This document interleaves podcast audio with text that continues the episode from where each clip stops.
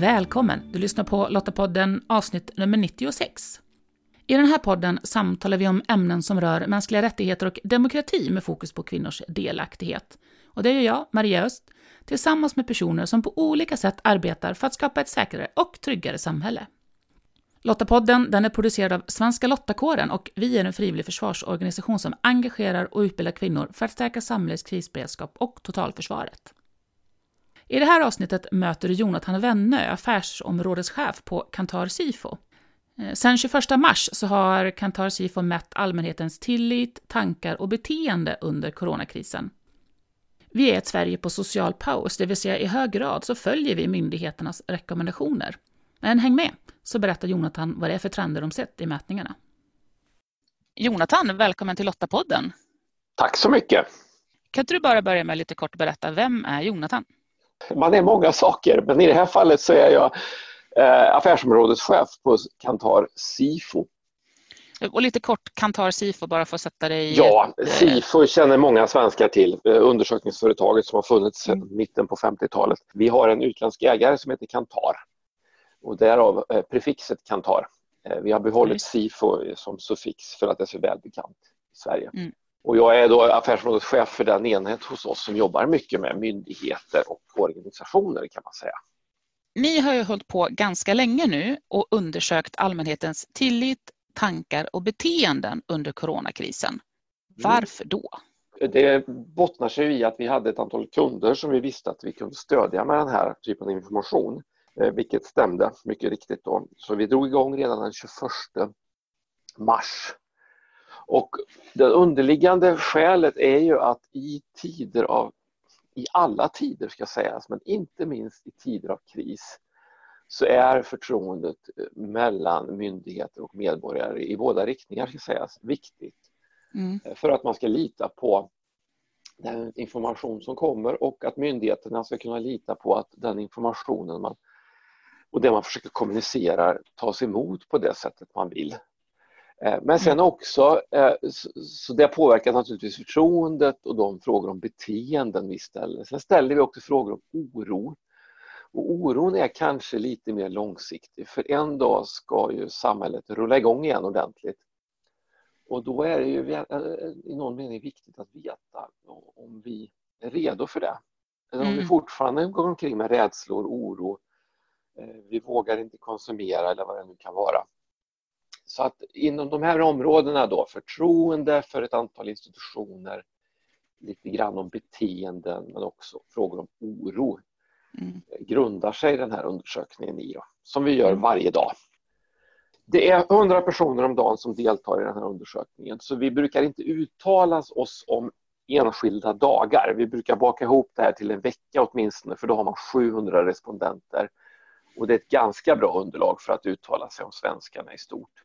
Vi ställer ju frågan till vår onlinepanel. Vi har ett mini-Sverige på nästan 100 000 svenskar mellan 16 och 84 ungefär eh, som Mm. vi kan ställa frågor till. Och det gör vi då med 100 stycken om dagen, 700 i veckan. Och det här har nu pågått eh, ja, sedan 21 mars som jag sa och eh, det innebär att vi har över 8000 intervjuer vid det här laget.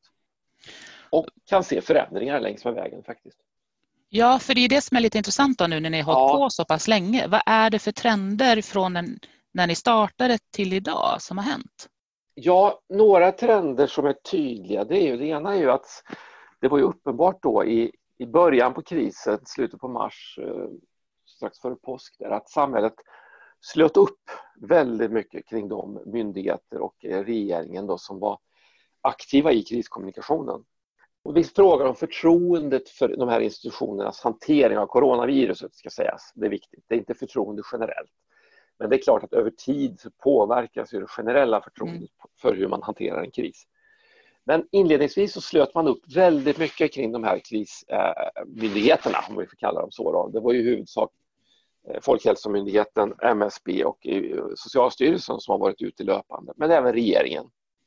Och det var väldigt, väldigt höga förtroendevärden. Det var påfallande hög, hög sammanslutning så att säga, kring det här. Eh, och så har det legat under hela perioden. Men vad vi då har sett lite grann eh, den sista perioden, det är att det kanske lite grann har börjat svikta lite grann det här, den här hårda gemenskapen. Och, eh, så att regering såväl som Folkhälsomyndigheten men också Socialstyrelsen lite grann, lite grann har tappat. Så vi tycker nog ändå att det fortsatt är relativt höga värden. Ska sägas. Mm. Det är en tydlig sån trend att det, som sagt, att det, att, att det har nu börjat avta lite grann. Och sen vad gäller orosfrågorna så har de pendlat lite fram och tillbaka. Idag har vi den början på juni och nu är det lite färre än tidigare som är oro för de, oroliga för de konsekvenser som coronaviruset kan föra med sig. Det är färre som är oroliga för att man kanske inte kommer få en plats på sjukhuset. Det är färre som är oroliga för att livsmedel ska ta slut och så vidare. Men det är fortfarande ungefär lika många, kring en fjärdedel, en femtedel, som är oroliga för sin försörjning det närmsta året. Mm. Så att de där, det, det, det, har inte riktigt slagit igenom där. Det är väl så att den här kris, sjukdomskrisen och beläggningskrisen på sjukhusen har övergått till en, fortsatt, ska sägas, eh, oro för ekonomin och hur mm. den kommer eh, ta sig uttryck för ens privata del de närmsta året. Så det är väl i eh, korthet några tydliga trender. Sen ska man också säga att eh, det är ingen skillnad faktiskt. Hur vi, vi, vi har ändrat, vi har följt ett antal beteenden om man har ändrat från tiden före coronan så att säga och det är väldigt många som har ställt om sitt liv. Mm. Vi har uttryckt det som att vi är ett Sverige på social paus. Så är det fortfarande, eh, ska sägas, även om vi nu börjar lite grann eh, märka att man kanske lite grann släpper på en del saker. Men det är ändå så att eh, när vi ställer en fråga på om man har ändrat sitt beteende jämfört med eller följer restriktionerna lika mycket som för en till två veckor sedan så är det fortfarande 80 procent som fortfarande följer de rekommendationer som man har uppfattat att man ska följa. Vad skönt att höra. Det är ju någonstans grunden i myndigheternas strategi för hur vi ska hantera smittan. Så om vi inte följer de rekommendationerna och ändrar vårt beteende, ja, då blir det svårt att, att, att hjälpas åt och bromsa Just. smittspridningen. Och det här har ju varit lite intressant för det har faktiskt, vi har kunnat följa små, små skillnader mellan veckorna faktiskt. Eh, och eh, det var en period, nu har det gått så lång tid så det är nästan man inte kommer ihåg exakt hur perioderna ligger, men i början, i, i månadsskiftet april-maj där kring det var valborg och det var första maj och så där. då började det faktiskt röra lite på sig som att vi skulle börja var, bli mer eh, utåtriktade igen om man så säger och mm. sociala. Men då, eh, och då skymtades det en vecka. Men då gick eh, regeringsföreträdare ut och, och, lite grann slog näven i bordet faktiskt. Mm. Eh, det, det talades om folkvett och det talades om jag vet att Mikael Damberg var ute också och var väldigt tydlig kring de här rekommendationerna och då gick det till, lite grann tillbaka. Vi, vi mm. lyssnade. Mm. Mm. Så det är intressant att se hur det, hur det ändå fungerar med kommunikation och har fungerat under den här perioden. Det är väldigt skönt att höra också utifrån då just att, att det här har pågått så länge. För jag tänker att vi har ju alla full förståelse för att, att många känner att men fy vad tråkigt det här nu är. Jag vill verkligen komma ut och det blir fint väder och det är klart jag vill träffa eh, mina vänner och mina nära och kära. Eh, så att eh, ja, det är ju lugnande ja, har, att höra. Ja, vi har, vi har hållit i, men sen är det ju så, det, det är klart att eh, det här är ju sådana stora tal man räknar med ändå. Jag menar om det är så att 80 procent håller i och håller ut, va? Då är, och några enstaka ännu mer än förut. Men det, säg att det är 15 procent som inte gör. Mm. Eller 20 procent som inte gör det det blir väldigt stora tal. Och i, en, mm. i den här typen av eh, smittspridning som vi har lärt oss nu allihopa, eh, hur fort och så det kan vara, R-värden och allt vad det heter, va? så är det ju ändå så att det är, alla är ju inte riktigt med, såklart. Mm. Men det är, också ett, eh, det är också ett vägval vi har gjort i det här landet, att använda oss av eh, rekommendationer. Mm. mer eller mindre tydligt eftertryck. Ja, det har varit spännande att följa eh, debatten verkligen kring eh, ja, men hur allting går. Och jag tänker att det måste vara spännande för er också att just kunna följa skiftningar beroende på vad det är som händer i media. Och jag tänker just det här med att, eh, att vi inte är så oroliga för att få plats på sjukhus längre. Där var det ju en enorm insats kring att, att verkligen tydliggöra att vi har kapacitet och Socialstyrelsen redovisar antalet IVA-platser varenda dag. Ja. Och det är klart att ja, men då, då kan jag ju känna mig mycket tryggare. Ja, sen ska jag säga så att det, när jag talar om trender så är det ju att de har gått åt rätt håll. Ta, ta det exemplet mm. med att oro för att sjukvården då inte ska hantera. Det är ju fortfarande så, det är ganska många ändå, tycker jag, som ändå är, är lite oroliga. Så är det ju. Mm. Men, det var i, men inledningsvis så var det så många som två av tre mm. som var oroliga för att sjukvården inte skulle ha kapacitet att omhänderta mina, mig själv eller mina anhöriga om jag skulle bli sjuk. Mm. Nu är det eh, knappt hälften.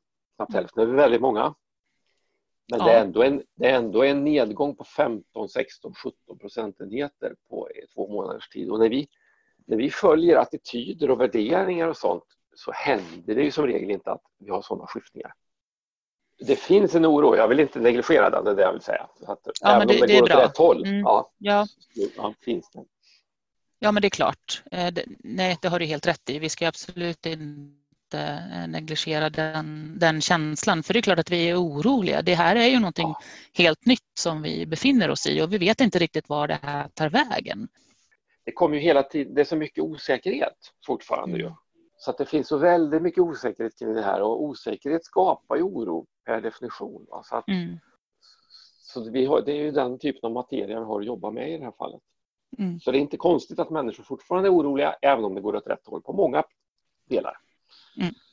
Och så nämnde du ju det då att självklart nu kanske fokus börjar bli lite mer då på att ja, men vad händer sen för mig? Speciellt om jag kanske också då just nu är permitterad eller faktiskt har blivit arbetslös. Ja. Alltså det är ju väldigt många som är oroliga för att arbetslösheten ska öka i samhället. Mm. Det är, det är alltså åtta av tio. Mm.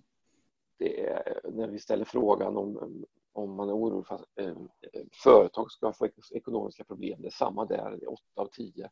En förutsättning för att ekonomin ska komma igång, det är ju att vi egentligen i någon mening slutar sitta på våra händer och börja i någon mening konsumera det vi tycker är viktigt för oss eller investera i saker som är nyttiga. Mm. Och om vi inte vågar göra det på grund av olika orosskäl så kommer ju det ta tid att få igång ekonomin. Mm. Mm. Så är det ju bara. Mm. Och som jag sa, det är väl en av fem är oroliga för sin egen personliga försörjning. Mm. Eh, närmsta året. Det är, också, det är mm. också, nu har vi tyvärr inget jämförelsevärde på det, hur det såg ut innan coronan. Det är klart att, det är såna, det, att, att vi är sådana några av oss redan innan, va? men det är ändå mm. det är ju ändå höga värden i någon mening att var femte svensk går runt och känner en oro för sin försörjning.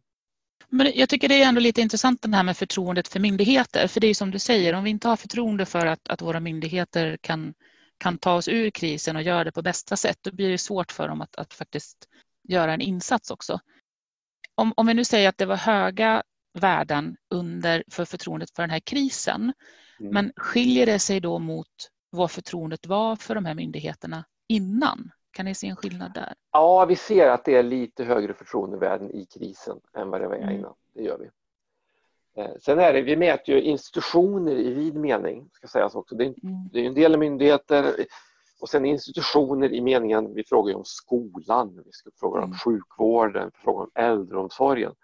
Och där ser vi också stora skillnader och det är ju eh, Äldreomsorgen är ju en sån sektor som har fått ta mycket av hundhuvudet får man väl säga för det som inte har gått bra mm. i samhället under den här perioden. Och där är det ju mm. väldigt låga förtroendevärden.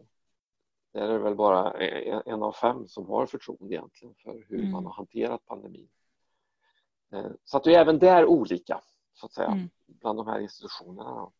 Rätt eller fel, det, men så ser det ut. Mm. Och, sen, och vikten som, jag, som du sa, det, det är ju det här vi brukar säga att utan förtroende så är det svårt att bli lyssnad till. Va? Det är det som är mm. kärnan i det här. Och därför har det varit så bra att just de här krisaktörerna haft, ett, haft befolkningens öra under den här mm. perioden. Mm.